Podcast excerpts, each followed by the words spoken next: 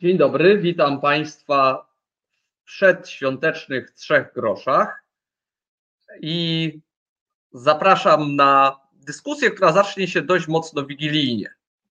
To znaczy, zacznie się e, od informacji, e, czy przy stole wigilijnym naszym znalazłoby się miejsce dla uchodźcy, migranta ze strefy przygranicznej. Cóż na to odpowiedzieli nasi rodacy? Odpowiedź na to pytanie możemy zobaczyć na obrazku numer jeden, który bardzo poproszę. Na cały ekran najlepiej. E, tu, proszę Państwa, mamy odpowiedzi e, tak na niebiesko, na czerwono nie. E,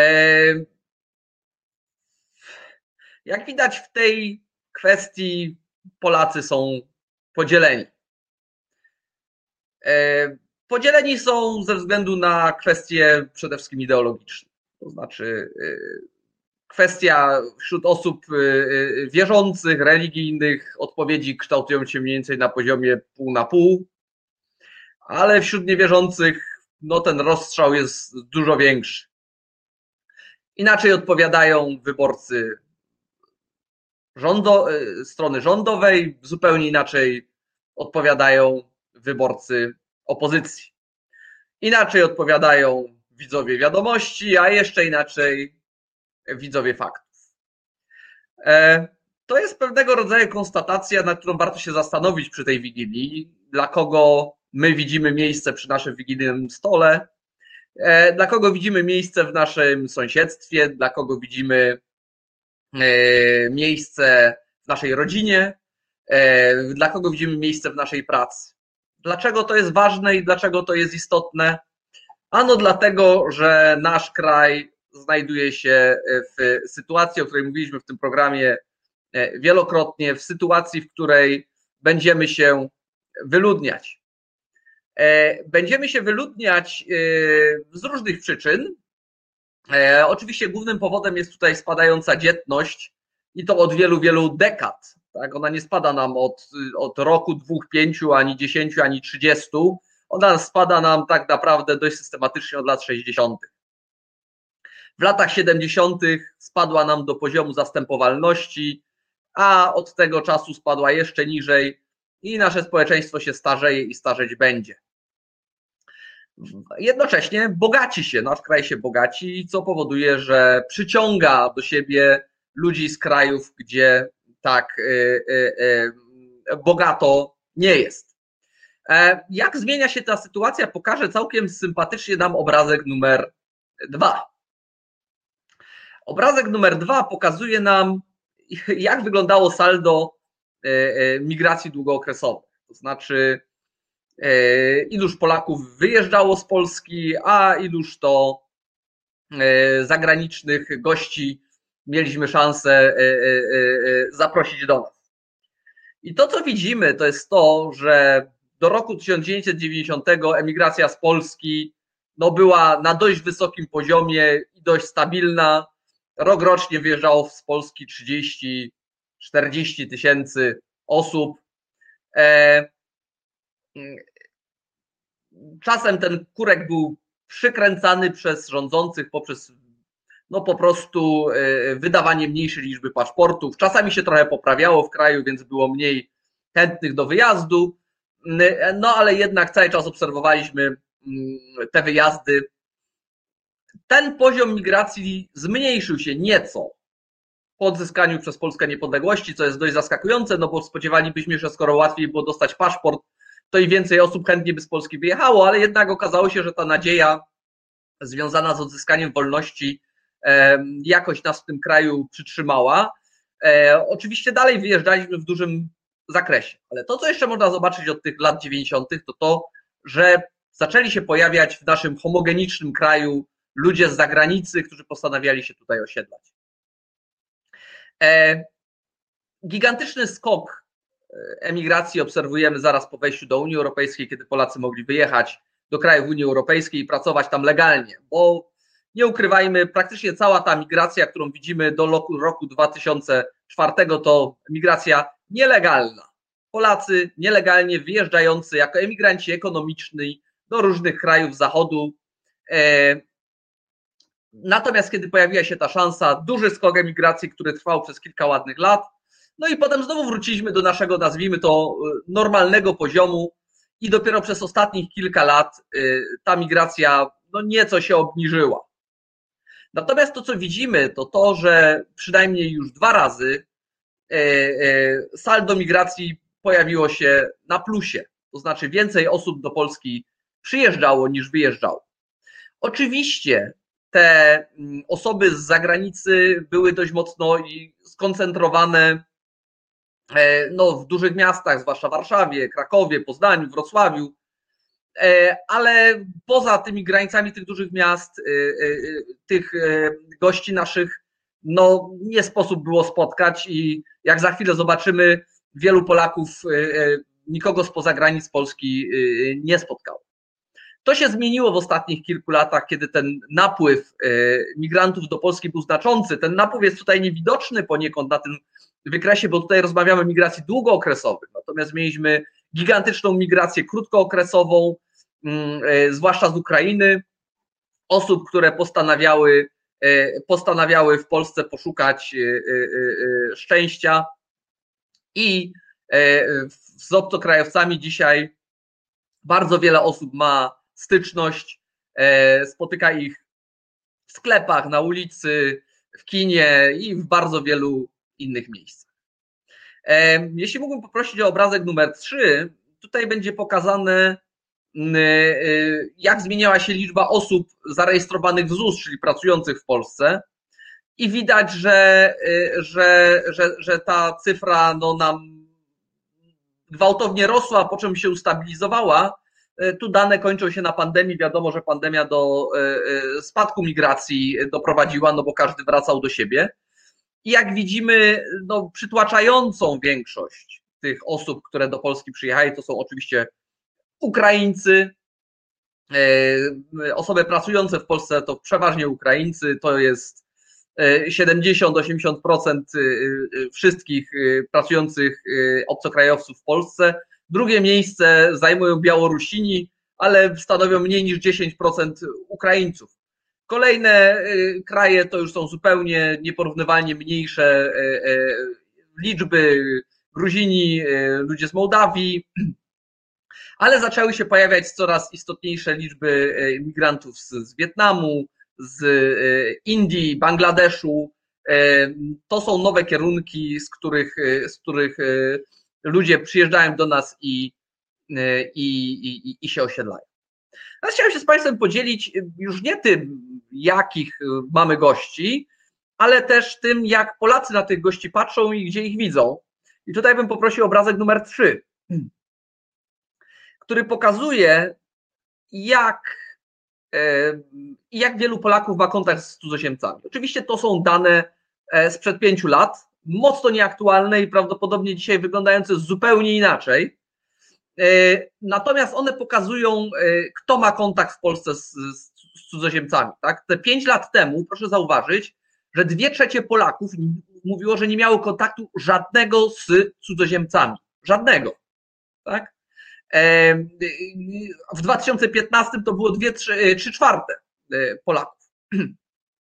To też się rozkłada bardzo nierównomiernie pomiędzy poziom wykształcenia. Znaczy osoby z wykształceniem wyższym spotykają się z cudzoziemcami dużo, dużo, dużo częściej niż osoby z wykształceniem średnim, zawodowym czy podstawowym.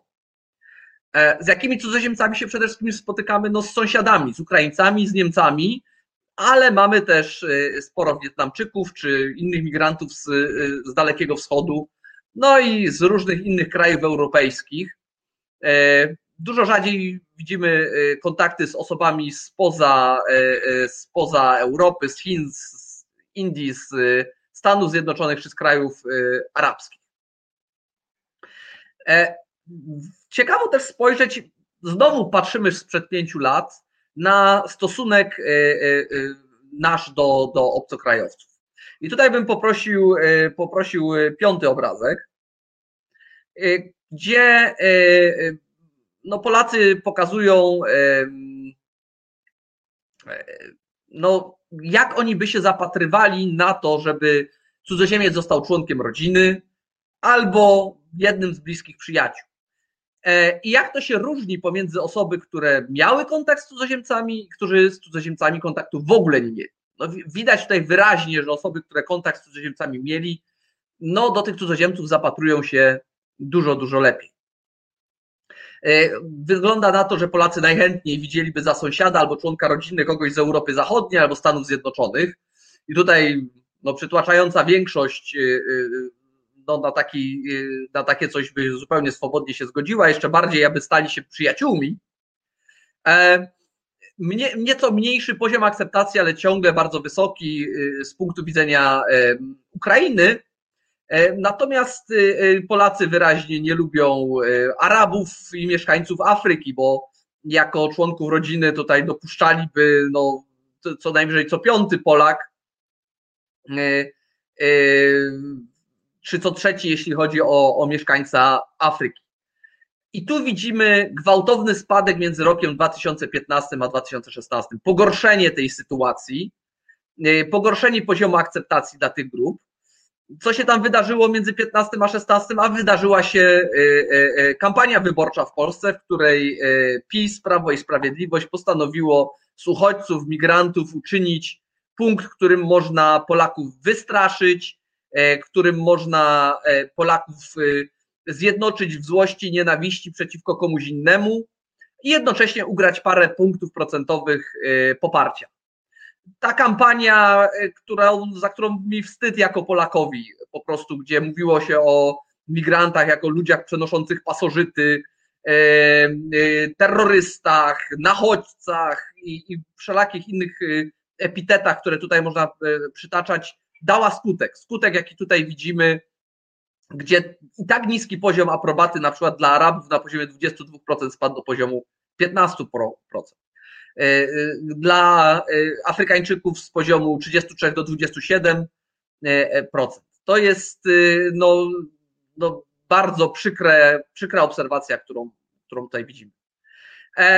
Na kolejnym wykresie, szóstym, możemy zobaczyć co Polacy, czy, czy Polacy postrzegają cudzoziemców y, jako zagrożenie.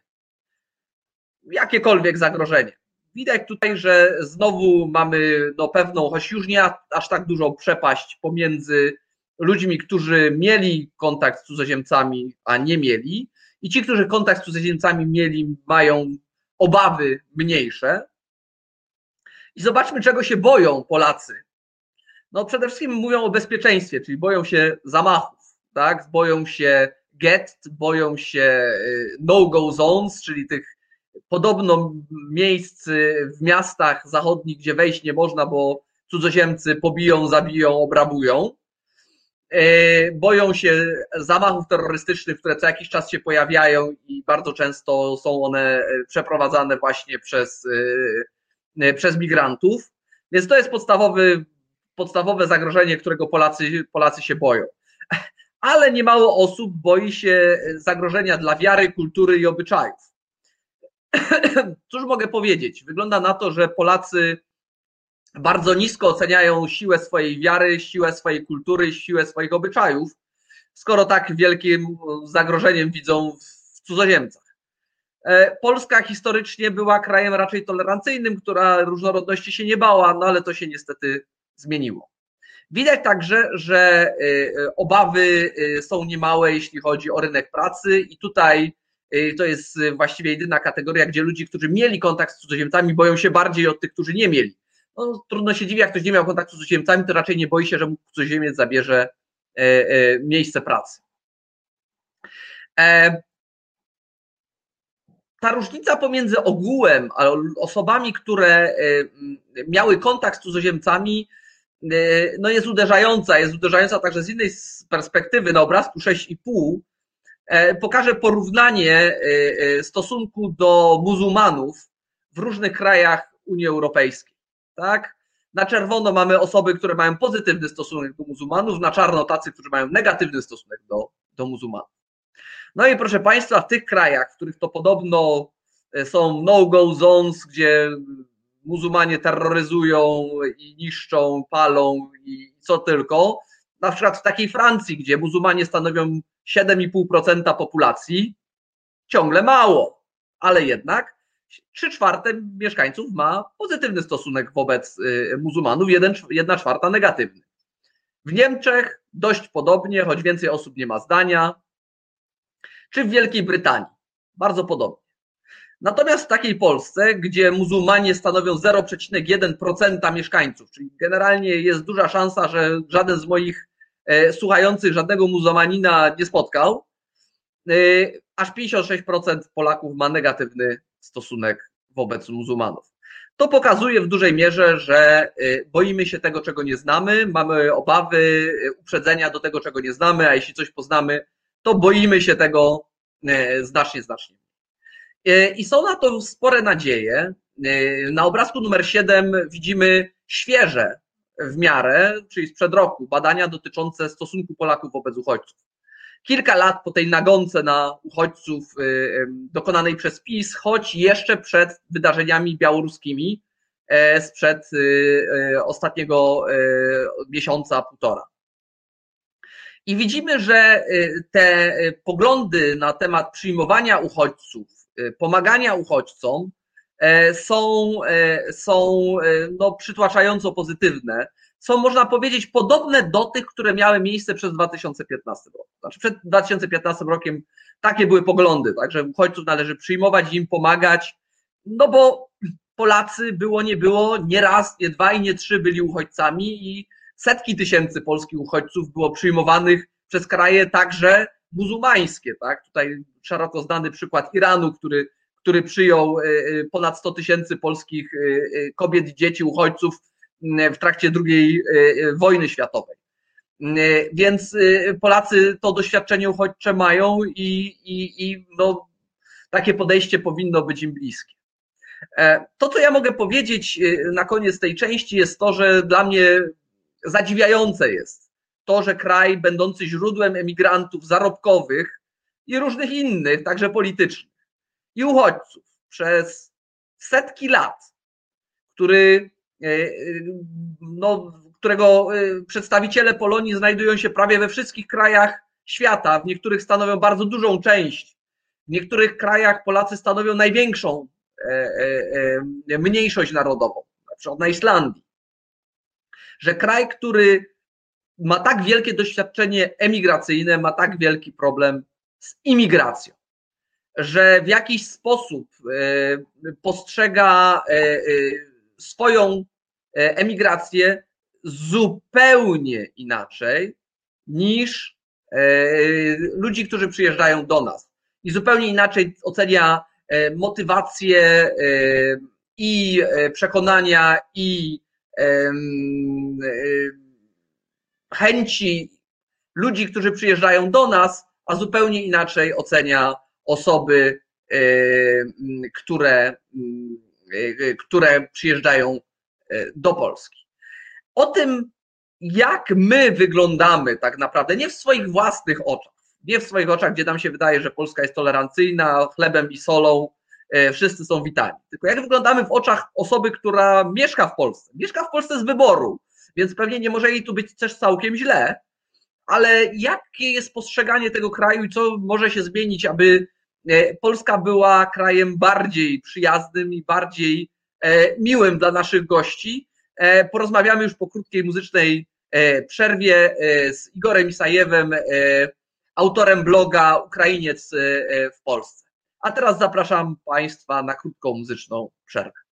Reset Obywatelski. Medium, które wsłuchuje się w głos swoich odbiorców. Witam po przerwie. Witam naszego gościa. Mam nadzieję, że się uda zobaczyć. Dzień dobry, panie Gorze. Dzień dobry, panie redaktorze. No to zacznę od pytania, jak się mieszka w Polsce? Różnie, tak jak w życiu. E, no dobrze, no to zaczynając optymistyczną nutą, co się podoba, e, e, a później przejdziemy do tej drugiej strony. Wie pan co, nie wiem, nie, nie mogę myśleć w takich kategoriach, bo ja pół życia mieszkałem w Ukrainie, a pół w Polsce i prawie całe dorosłe życie mieszkałem w Polsce, więc y, powiem szczerze, że trudno odpowiedzieć mi właśnie na tak postawione pytanie, co się podoba, co się nie podoba, bo pewne rzeczy ja odbieram tutaj jako swoje, tak. Między innymi te minusy, które, które tutaj są, bo jakby to, że e, społeczeństwo tu jest trochę specyficzne, jak i każdy na swój sposób specyficzny, to jakby już przyjąłem na całość. Więc y, powiem szczerze, że mam trudności, żeby w takich kategoriach panu redaktorowi odpowiedzieć. To się podoba. No dobrze, to spytam inaczej. No, nie, nie, inaczej. Jestem, nie jestem tutaj e, nachodźcą, barbarzyńcem, czy nie wiem kim, bo to jest też mój kraj, tak? Więc poprzez to, że postrzegam Polskę też jako swój kraj, to właśnie dlatego mam problem z odpowiedzią na tak postawione pytanie. To, to, to inaczej zadam pytanie. Dobrze. Co my, my, łącznie z Panem, bo tak jak Pan mówi, widzi ten kraj jako swój, co my możemy zrobić, żeby kolejni ludzie, którzy będą przychodzić i których, którzy będą chcieli tu mieszkać, poczuli się i mm, mogli zaklimatyzować łatwiej. Tak? Czyli jakie rzeczy moglibyśmy zrobić, które przekonałyby do tego, że to jest fajne miejsce do, do bycia. No bo Pan już tu mieszka tak długo, że rzeczywiście się tu zakorzenił, można powiedzieć ale są ludzie, którzy się rozglądają, prawda, zastanawiają, czy to jest fajne miejsce, czy nie fajne miejsce.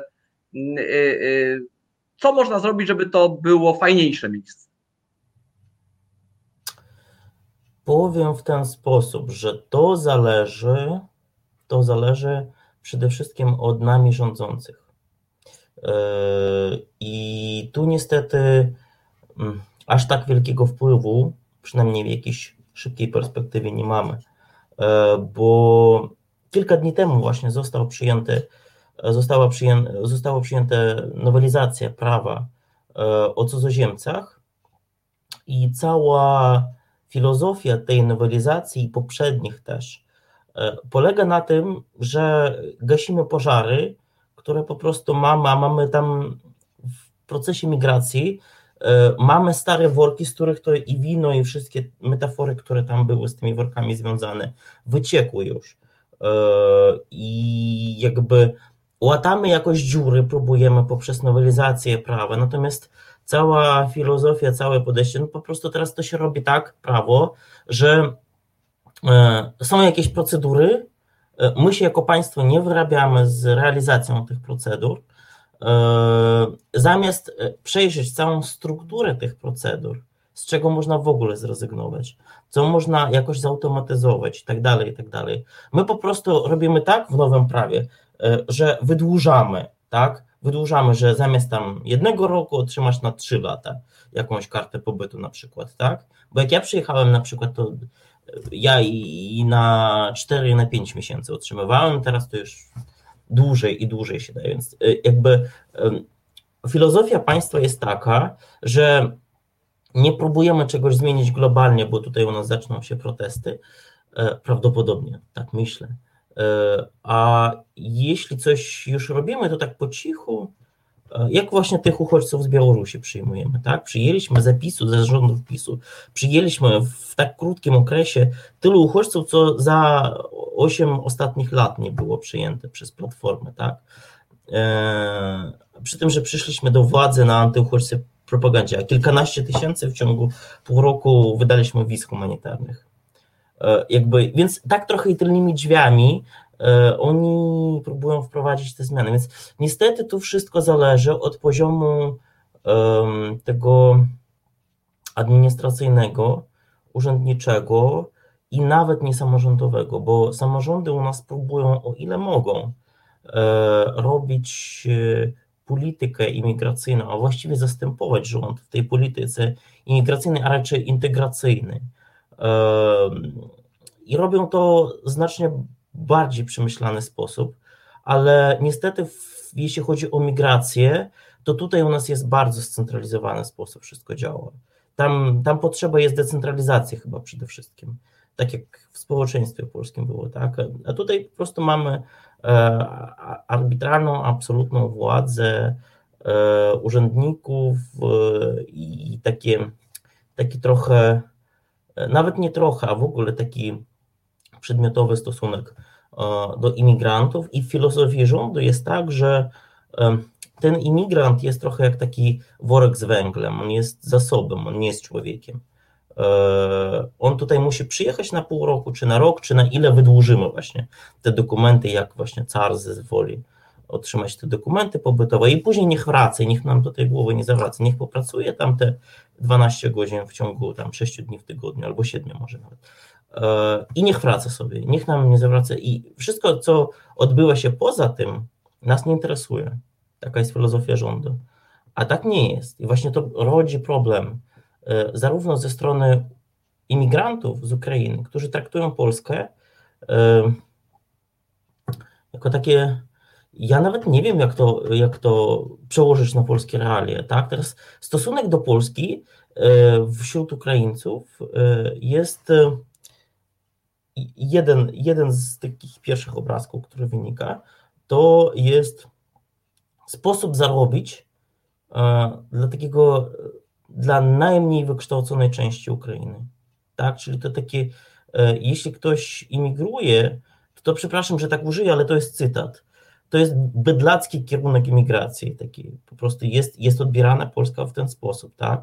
Ale to wynika właśnie z polityki imigracyjnej, tak? Bo tak, tak, tak um, jest skonstruowana jej filozofia, że tutaj musi przyjechać taki najgłupszy, naj, najmniej umiejętny, e, umiejętnie pracujący pracownik, który niech nam nie zawraca głowy, bo pracownik, który ma e, specjalizację, wykształcenie, e, który ma doświadczenie wiele, to on będzie nam zawracał głowę. Będzie nam sprawiał. Znaczy ja, ja tutaj drobną polemikę wejdę z mojego osobistego doświadczenia. E, jako wykładowca akademickiego. Tak? Ja właściwie od dłuższego czasu właściwie uczę wyłącznie w języku angielskim i nie wiem, 70% moich studentów to są Ukraińcy e, i miałem ich bardzo, bardzo, bardzo wielu i bardzo, bardzo wielu z nich zostało w Polsce zresztą, więc e, wydaje się, że to nie tylko tacy ludzie przyjeżdżają z Ukrainy i ten kierunek uniwersytecki, zresztą rozmawialiśmy tydzień temu z z prorektorem Akademii USB, który się zajmuje właśnie współpracą międzynarodową, też jest e, dość szeroko otwarty. Ale na e, uczelniach, wie pan co, na uczelniach studiuje tylko tam chyba kilkanaście maksymalnie procent studentów w całej Polsce zagranicznych i studenci z Ukrainy to jest jakiś procent z nich, większy, ale jednak procent. E, a imigracji ukraińskiej mamy ponad milion. I to już, e, to co Pan mówi, oczywiście o jednym procencie Pan mówi, ale to jest na poziomie nawet błędu statystycznego. Więc oczywiście są doświadczenia z różnymi ludźmi, tak? Natomiast e, ja po prostu mówię, że pewna masowość, ja, ja mówię trochę z punktu widzenia naszego rządu, proszę mnie, nie, nie, nie, nie, nie jakby. Ja się zgadzam. Mnie jest, mnie jest dalekie takie widzenie, dlatego że stosunek do imigracji to jest jeden z procesów, który w ogóle państwo rozwija w dzisiejszym zglobalizowanym świecie. Stosunek naszego państwa do imigracji jest mniej więcej jak w XIX wieku. I to oznacza, i dla mnie to jest wielki ból, bo to jest przegrana państwa, w którym mieszkam, tak? To oznacza, że za 50 lat to państwo y, będzie wymarłym zadupiem Europy jeśli taki stosunek będziemy prowadzić, tak? Jeśli my, my, bo nie, my, nie, my będziemy żyli z, tam z jakiejś wewnętrznej konsumpcji, ale to, ten model się kiedyś zużyje. My, my, my w tym świecie tak naprawdę jako państwo, w ogóle cały wschód Europy, produkujemy mało, zaczynając od jakichś takich um, nawet zwykłych rzeczy na poziomie właśnie rozumienia XIX wieku, tak? My tam jesteśmy tylko, tylko częścią jakiegoś większego mechanizmu produkcji. I kończąc na ideach, tutaj u nas w ogóle mało produkuje się idei. U nas jest e, jakby stosunek e, do tych ludzi, e, no trochę jak za komunizmu. Tutaj akurat w stosunku do ludzi idei, komunizm u nas przeżył, tak? bo my patrzymy trochę na biznes nie jako na ideę, a jako na pieniądze, produkcję, konsumpcję i tak dalej, tak? ale to jest przede wszystkim idea. I jakby... Znaczy, ja, ja, jeszcze powiem tak y, trochę patrząc, znaczy nie chcę powiedzieć ze zrozumieniem, ale rozumiejąc pewne rzeczy. Znaczy, wydaje mi się, że nasze państwo, w tym aparat urzędniczy na pierwszym miejscu, jest zupełnie mentalnie ani w żaden inny sposób nie przygotowany na to, co się dzieje, bo do Polski przecież nigdy nikt nie przyjeżdżał, bo nie było po co. tak? Ludzie do Polski na szerszą skalę przyjeżdżają no, od powiedzmy dekady góra, tak? Więc y, ani te ambasady nie potrafią przeprowadzać tych procedur. Te procedury są nieefektywne, jak pan powiedział, tak, niezautomatyzowane, z głupimi krokami i tak dalej, i tak dalej. Bo one mogły sobie takie być, bo tam się pojawiały cztery osoby na miesiąc, w związku z czym tam te procedury mogły. W ogóle nie widać, y, y, nie widać no, zmiany podejścia. Moja obawa duża jest taka, rzeczywiście, że to jest zmarnowana okazja, którą my, my, my tutaj mamy Y, z którą mamy do czynienia. Y, I, I rzeczywiście, y, biorąc pod uwagę elektorat naszego obecnego rządu, tak było widać chociażby po, po, po wykresie odnośnie przyjmowania uchodźcy do stołu wigilijnego, no to nie może zrobić nic z żadnej szeroko zakrojonej reformy, no bo w tym momencie natychmiast utraci poparcie, prawda? No bo, no bo wiadomo, kto, kto głosuje na, na nowe. Straci zaufanie to na bardzo długo. Tak jest. I, po, i poparcie i zaufanie straci naprawdę. Chociaż nie da się ukryć, że tylnymi drzwiami wpuszcza tej imigracji niestety w sposób, jaki pan mówi, no bardzo dużo, tak? No to przecież zarządów PiSu ten milion Ukraińców się w Polsce pojawił, można powiedzieć, jeśli nie, nie, nie, nie więcej. E, zadziwiające są działania naszego rządu wobec samorządów, które starają się coś zrobić. Tak? Jak bodajże Wrocław otworzył klasy dwujęzyczne polsko-ukraińskie, to po prostu centralnie było oburzenie Y, straszliwe. No ale to rzeczywiście, tak pan powiedział, to jest coś, z czym żyjemy i pewnie jeszcze jakiś czas będziemy musieli pożyć. E, no dobrze, ale idąc od dołu teraz, tak, no z tym chwilowo nic nie poradzimy, też pewnie nikt idący po władzę nie będzie się bardzo wychylał z przyczyn, o których żeśmy rozmawiali. Co my oddolnie poza tym możemy zrobić, żeby ktoś przyjeżdżający poczuł się u nas lepiej?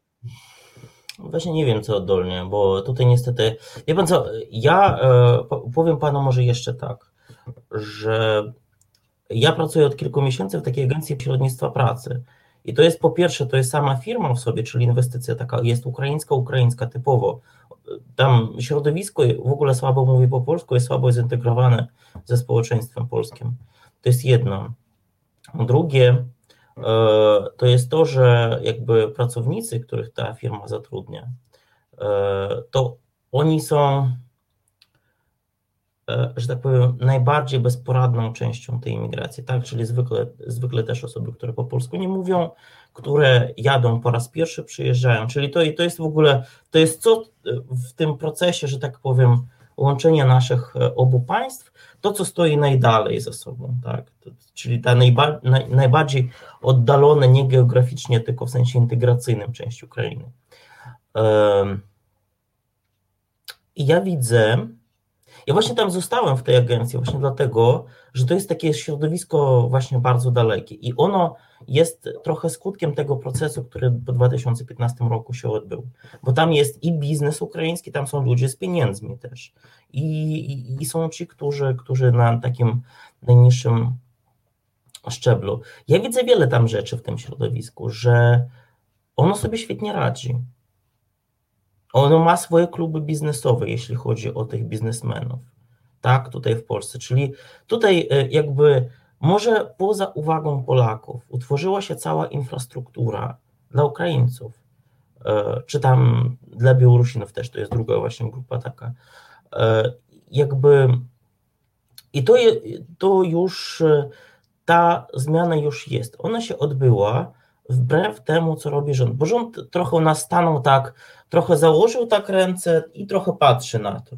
I nic nie robi. Właśnie dlatego ta imigracja po 2015 roku z Ukrainy przyjechała, bo tam w 2015 roku właśnie spadła hrywna, e, inflacja była 48%, e, jakby i stąd ta imigracja się wzięła. I ja chcę powiedzieć, że ta imigracja jest procesem bardzo dynamicznym. My możemy wszystkich rzeczy tam nie obserwujemy.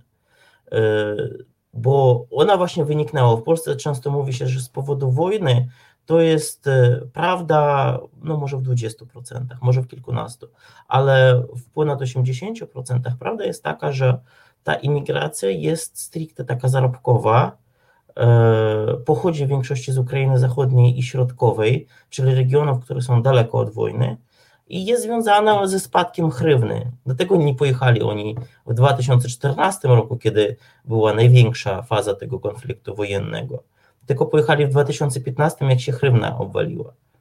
E, I od tego, od kursu hrywny, de facto ta imigracja największa zależy. Oczywiście ktoś tutaj zostanie, ktoś się zintegruje, ale to będzie się odbywało wbrew trochę mm, temu, co zakłada rząd. I dzięki właśnie społeczeństwu polskiemu, bo ktoś tam został, ktoś, kto znalazł jakichś dobrych znajomych tutaj w Polsce, kto e, znalazł, no nie wiem, dobre środowisko, ci zostają, tak, bo coś ich tutaj zatrzyma, tak fizycznie, personalnie.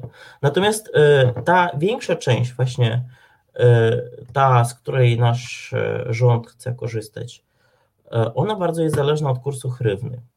I tutaj odbywają się bardzo interesujące rzeczy. Ja kilka dni temu pisałem artykuł właśnie dla ukraińskiego medium i paradoksalnie dla siebie nawet odkryłem, że minimalna płaca, płaca w Polsce 1 stycznia 2021 roku wynosiła 2800, czyli w hrywnach to było jakoś 20 700 hrywien, tak? E, natomiast wedle kursu z 1 stycznia Natomiast podwyższona pensja polska z 1 stycznia 2022 to jest 3080 chyba, jeśli dobrze pamiętam. 3010, e, tak. To jest, czyli o, ta podwyższona polska pensja wedle kursu dzisiejszego y, będzie wynosiła 19 200 hrywien, czyli półtora tysiąca do tyłu. Podwyższona polska pensja będzie wynosiła. Minimal, y, podwyższona minimalna polska pensja 1 stycznia będzie y, półtora tysiąca hrywien mniej wynosiła. I to jest jakby. Dla mnie to było odkryciem, powiem panu szczerze. E, natomiast e, na takie rzeczy, i to imigranci zwrócili mi uwagę, sami właśnie, z tego mojego środowiska, gdzie teraz pracuję, że e, ej, czy, czy są Was oferty w Niemczech? I teraz już każdy pyta o oferty w Niemczech, w Beneluxu. Oni nie mają żadnego, że tak powiem, przywiązania do tej Polski. Im ta Polska to jest taki teren, jak dla nomadów, nowe pole, tak? Tutaj wydepczemy, ale jak będzie lepsze, to pójdziemy tam, gdzie lepsze będzie, tak? Jakby o ile tutaj nikt nie przeszkadzał um, temu, by przyjeżdżali w 2015 roku, ale tak samo nikt nie przeszkadza e, im wyjechać stąd dalej, tak? I to będzie teraz po pandemii, teraz jest olbrzymi popyt na takich pracowników fizycznych. Tak? W, I o ile Polska w 2015 wygrała tym, że były dość łatwe dla obywateli Ukrainy procedury imigracyjne, to dlatego ta migracja się wzięła tutaj. To teraz to odkryli dla siebie Litwa, wprowadziła podobną procedurę, a tam jest euro. Litwa się teraz bardziej opłaca tak, niż Polska dla imigranta. E, a ja już nie mówię o Łotwie czy Estonii, które są bogatsze e, i gdzie, gdzie też jest euro. E, jakby i tutaj w zależności od tych procesów ekonomicznych, ta fala ludzka, społeczna, dla nas ważna, ona może zniknąć. Znaczy, nie od razu, ale jakby ja już widzę, że nawet w tej bańce, która absolutnie nie mówi tam w kategoriach tam, jak u nas telewizor, drożyzna, inflacja i tak dalej, mówię po prostu takim zwykłym językiem, nie ogląda polskiej telewizji, ale samo dochodzi do tych samych wniosków, co polska taka bardzo dobrze opozycyjna telewizja, tak? Czyli oni bardzo dobrze widzą, co jest w portfelach i jakby rozumieją, że Polska się nie opłaca. W ciągu kilku lat większość Ukraińców przestała jeździć do Rosji, zaczęła jeździć do Polski. I tak samo to może się zmienić w przypadku Polski. Teraz pytanie, e, czy my chcemy tych ludzi zatrzymać? To adresuję wszystkim to pytanie, tak? Bo dla mnie byłoby dobrze, ale nie jestem w tym obiektywny. To jest pierwsze. A drugie, e, to co Pan mówił na początku, bardzo podobne dyskusje już idą w samej Ukrainie. Dlatego, że w Ukrainie samej jest świadomość tego, że wiele osób w wieku produkcyjnym nas opuściło, coś musimy robić z demografią. I już dużo mówi się o tym, że Azja Środkowa, czyli Uzbekistan przede wszystkim, gdzie, e, który chyba jest z postsowieckich republik e, krajem z najwyższym przyrostem ludności. I to ludności w takim wieku, tam bardzo dużo ludzi jest w wieku 20-25 lat. tam chyba, no właśnie mówię, że o 50% zwiększyła się za te 30 lat ludność tego kraju. Tadżykistan czy Kirgistan. Tak więc w Ukrainie idą dyskusje o tym, że to jest jakby, jeśli tam nie wejdziemy, my po prostu przegramy jak kraj. I mówi się o tych dalszych krajach, tak? Czyli i rozumie pan, że w przypadku Polski przyjeżdża naród dość blisko, bliski kulturowo, chociaż są bardzo czasem różnice. Natomiast w przypadku Ukrainy będzie to pokolenie, które nie znało Związku Sowieckiego, więc nie było zintegrowane ze Związkiem Sowieckim, tak, żeby przynajmniej przez ten mostek przerzucić drogę integracyjną, tak, to będzie przyjeżdżał zupełnie inny naród, zupełnie inni ludzie. I tam e, te stopień nieprzyjęcia w związku ze, ze świadomością tego, kto do nas może przyjeżdżać, jest jeszcze większy. Tak, i to, to naprawdę teraz e, dyskusje są no, takie ostre. Tam. Ale jest tam tego świadomość, że musimy, jeśli się nie otworzymy, to już nie będzie nas. Znaczy, ja, ja, ja wielokrotnie prowadzałem tę dyskusję i, i mówiłem, że, że, że, że jak się stanie opłaca, to Ukraińcy stąd jadą. I uniwersalnie dostawałem taką odpowiedź, że y, nie, nie wyjadą, bo mają blisko, język podobny i kulturowo się znają. Rozumiem, że pan potwierdza moje wątpliwości w tym zakresie, że, że, że, że tak naprawdę te elementy nie są tak istotne. Jeszcze raz, zależy dla kogo. Tak, no bo to ta teza absolutnie się nie sprawdza w przypadku tej takiej imigracji, które, którą mówimy tymczasowo, tak. Jeśli ktoś się tutaj zatrzymuje, powiem panu szczerze, że e, w takim przypadku, znaczy je, jeśli mówimy o języku polskim na poziomie podstawowym, to oczywiście to jest blisko. Natomiast jeśli mówimy o języku polskim na poziomie, żeby pisać książki, czytać Olgę Tokarczuk, to tutaj wiele Polaków z tym też ma problem. Tak? Więc y, to y, też y, mm, zależy, co mówimy, mówiąc właśnie język, i tak dalej, i tak dalej, bo tutaj jakby nie jest problem nauczyć się w języku jakby na, na poziomie podstawowym, takie mówić po polsku, ale no nieznacznie ciężej niż po niemiecku na przykład, tak? Bo to są naprawdę podstawy podstawy, jeśli mamy na uwadze taki język. Jeśli mamy na uwadze bliskość geograficzną, to proszę pana, jeszcze 5 lat temu tam autobusy typu Warszawa, e, Czerniowce czy tam Kijów były, o jak daleko to już zajeżdża, tak? A teraz już jeździ Siewierodoniec-Szczecin spod samej linii frontu i to na samym takim wschodzie pod rosyjską granicą. E, I jakby i do samego północno-zachodniego krańca Polski, tak? Czyli całą Ukrainę przyjeżdża i całą Polskę. I to się szybko stało, tak? Jak pan pójdzie po prostu na dworzec zachodni, to, to pan zobaczy tam te zmiany, tak? E, więc e, jakby autobus Charków-Paryż też już nikogo nie dziwi. Autobus, tak? Wizeir... Dziwi, że autobus, a nie samolot. Wizeir, Ryanair też są w Ukrainie i są nie tylko w takich miastach jak Kijów czy Lwów, jak Charków, Hersoń, tam Zaporoże.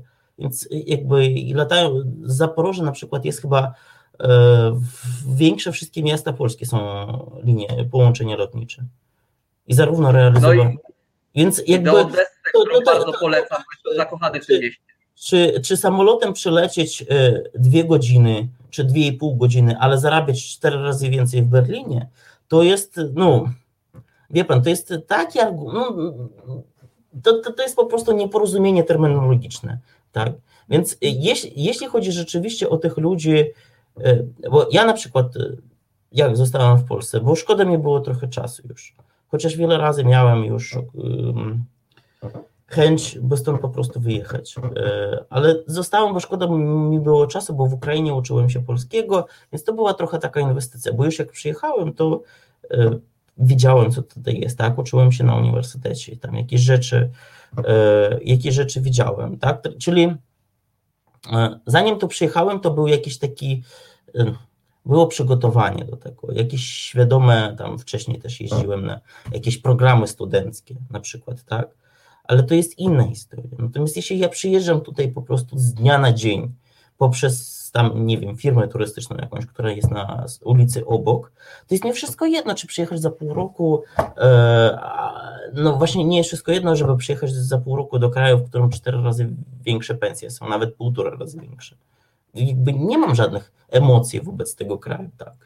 Więc e, no, to, to, to jest bardzo taka wulgarna, dość pospolita teza, oczywiście, która na wielu ludzi działa, ale ona nie sprawdza się w życiu. To takie w Polsce i w Ukrainie bardzo lubią takie myślenie życzeniowe i mitologiczne. I to jest właśnie z tego myślenia. Emigracja ukraińska w Polsce to są, nie wiem, w 90% na poziomie debaty społecznej to są mity i bzdury. E, a biorąc pod uwagę ten tą masę? Jak pan ocenia, ile to jest procent tych ludzi, którzy, jak pan powiedział, to jest kolejne pastwisko i jak będzie zieleńsza trawa na innym pastwisku, to pójdą na kolejne, a ile to są ci ludzie, którzy rzeczywiście, e, tak jak pan na przykład, y, mogą potraktować Polskę jako też swoje miejsce? Znaczy są dane, e, są dane e, Urzędu do Spraw Cudzoziemców, który analizuje ilość wydanych kart stałego pobytu. I są dane dotyczące, e, tu już Ministerstwa Spraw Zagranicznych, wizy e, rocznej, półrocznej. I to trzeba zestawić po prostu, ale jeszcze jest kategoria bez wizu, tak? Więc no tych kart pobytu, nie wiem, 10, kilkanaście procent może jest. Tyle, że z tych posiadaczy kart pobytu ktoś doczeka się polskiego obywatelstwa i zwali do Niemiec sobie po prostu, tak? E, a propos, to jest argument, bo często nas w naszej bogojczyźnianie i ojczyźnie krzyczą, że o, trzeba zamiast tych Ukraińców, trzeba e, tutaj sprowadzać do nas Polaków e, z kartami Polaka. Nic bardziej mylnego. E, osoba, która ma kartę Polaka, uzyskuje obywatelstwo w ciągu tam no, dwóch, trzech lat. Za ten czas najprawdopodobniej nie zdąży przywiązać się emocjonalnie, czy chociażby inwestycyjnie, tak jak ja, w sensie swojego czasu do tego kraju, jak ja tam na przykład czekałem na obywatelstwo w ciągu chyba 8 czy 9 lat, tak? I e, jakby najwięcej tych ludzi, którzy otrzymując polskie obywatelstwo wyjeżdżają na zachód, po prostu traktują ten kraj jak nomadzi, tylko na swój sposób, tak? To są właśnie wśród posiadaczy kart Polaka, którzy odczytają e, tam Polak biały, papież Jan Paweł II, wszystko pozostałe przed konsulem, i zrobią z siebie takiego malowanego Polaczka. I jakby i potraktują ten kraj, żeby wyjechać. Właściwie wśród nich najwięcej takich ludzi jest. Więc ile z tych ludzi zostanie tutaj, nie wiem. Jaka będzie sytuacja też. Chyba zależy od tego, um, jaka będzie sytuacja gospodarcza. No tutaj tak, chociaż nie wiem, ja w tym pokoleniu, co ja przyjechałem tutaj w 2007 rok, Ci, którzy przyjeżdżali do Polski, to na przykład e, historycy, którzy się tym krajem wcześniej się zajmowali, tak, którzy tam uczyli się literatury, czy jakoś tam mieli jakieś obszerne kontakty. Ja mówię o tych studentach, którzy są na uczelniach, tak. E, natomiast ci studenci, którzy są teraz, oni no, w wielu przypadkach nie mają takich e, kontaktów, żyją po prostu traktują historie są bardzo prywatne, tak? Więc y, niestety y, jako, jako społeczeństwo robimy wiele do tego, żeby tych ludzi zatrzymać. Bo ja pamiętam, że w tych latach, kilkanaście lat temu, to było tak, że mieszkałem w akademiku na Grochowie i to taki, y, taka dzielnica Warszawy, gdzie bardzo dużo starszych babci mieszka. Taka stara przy rondzie wiatracznej, taka, taka, taka Warszawa, Warszawa, która już się zabudowała tymi nowymi budynkami, biurowcami. E, natomiast e, wtedy ona jeszcze była taka, no po prostu zakątek starej, starego reżimu. Mm. Ja pamiętam właśnie, że przed Bożym Narodzeniem to był ciekawy czas, e, bo nam wtedy wydawali wizę na 90 dni i my przyjeżdżając jakby pod koniec września, na początku października, to właśnie na koniec roku mieliśmy wszyscy, wszyscy zakończone wizy i nie mogliśmy wyjechać z kraju, tak? E, procedura wydania karty pobytu była taka, że mniej więcej kilka miesięcy było opóźnienie. Czyli zawsze na ten okres Bożego Narodzenia większość ludzi musiała tam po prostu na święta zostać, bo nie mogła po prostu z tego kraju wyjechać. Ja pamiętam, że te babcie, one już wiedziały o takich sytuacjach studentów i one nas zapraszały na Wigilię. Było no po prostu tak, jakby y, one miały komunikację po prostu z tymi paniami, które tam zamykały, otwierały drzwi, tak, to też były panie trochę w średniej, średniej generacji, natomiast te pa, panie, posta, które były starsze, pytały, kogo mogę zaprosić, kto jest tam porządny, kto tam ten. E, i właśnie zapraszały wtedy, to było po prostu super, wie pan co, mnie się wydaje, że dzięki temu to e, dużo ludzi z tego akademika chyba w Polsce zostało, tak, no bo to było, to naprawdę był fajny gest. E, czy, te, czy teraz takie jest, nie wiem, ta dzielnica tam jakby trochę, trochę chyba zanika tam agresywna taka deweloperka, trochę się zmienia ta struktura społeczna, wie pan, bo jakby taka ba, ba, babciowa dziel, dzielniczka, jakby wysepka w Warszawie, to ona trochę żyje innymi regułami, to trochę taka, no, no taka, taka wielka e, spojona społeczność ze sobą, która widziała, że tak powiem, tę wyspę obcokrajowców u siebie i jakby spokojnie sobie zapraszała, tak. E, I, teraz e, właśnie mówię to o tym, że społeczeństwo jednak e, ma takie gesty i robi, chociaż innych gestów też nie brakuje, bardziej takich no nieładnych. Natomiast wszystko niestety zależy od tego poziomu państwowego. Na ile my tutaj no w ogóle damy radę e, przeprowadzić tam reformę w ogóle. Tam, tam potrzeba całej reformy tej e, dyskusji o obcokrajowcach, bo teraz e, państwo po prostu płynie z rzeką, tam się rozwija trochę taka deweloperka szalona, bo tak naprawdę w pracy obcokrajowców najwięcej i związkiem zawodowym, i państwem chyba nawet, i e, organizacją pozarządową, i pomocą, i wyzyskiwaczem jest pracodawca. Tam po prostu wszystkie te role i informacją też, on też jest źródłem informacji bardzo często.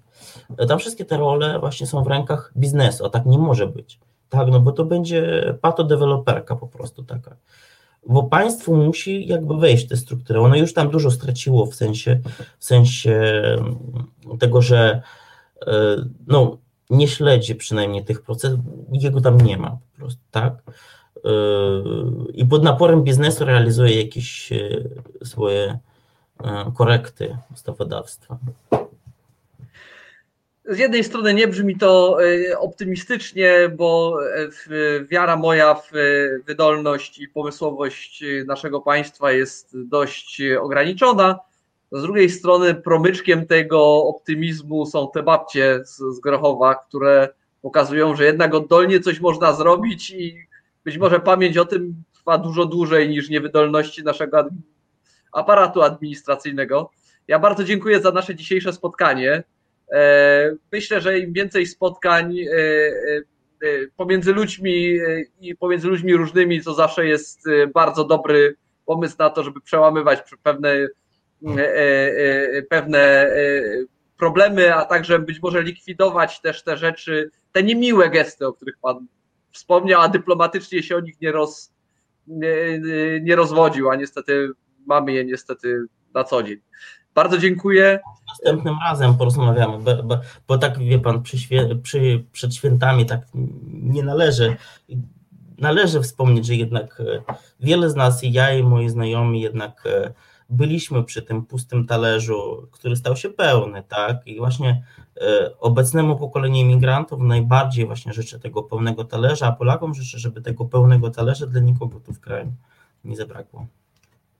Bardzo dziękuję. Dziękuję panu. Dziękuję Państwu i zapraszam za tydzień na podsumowujący rok trzy grosze. Dobry, do, dobranoc. Reset Obywatelski.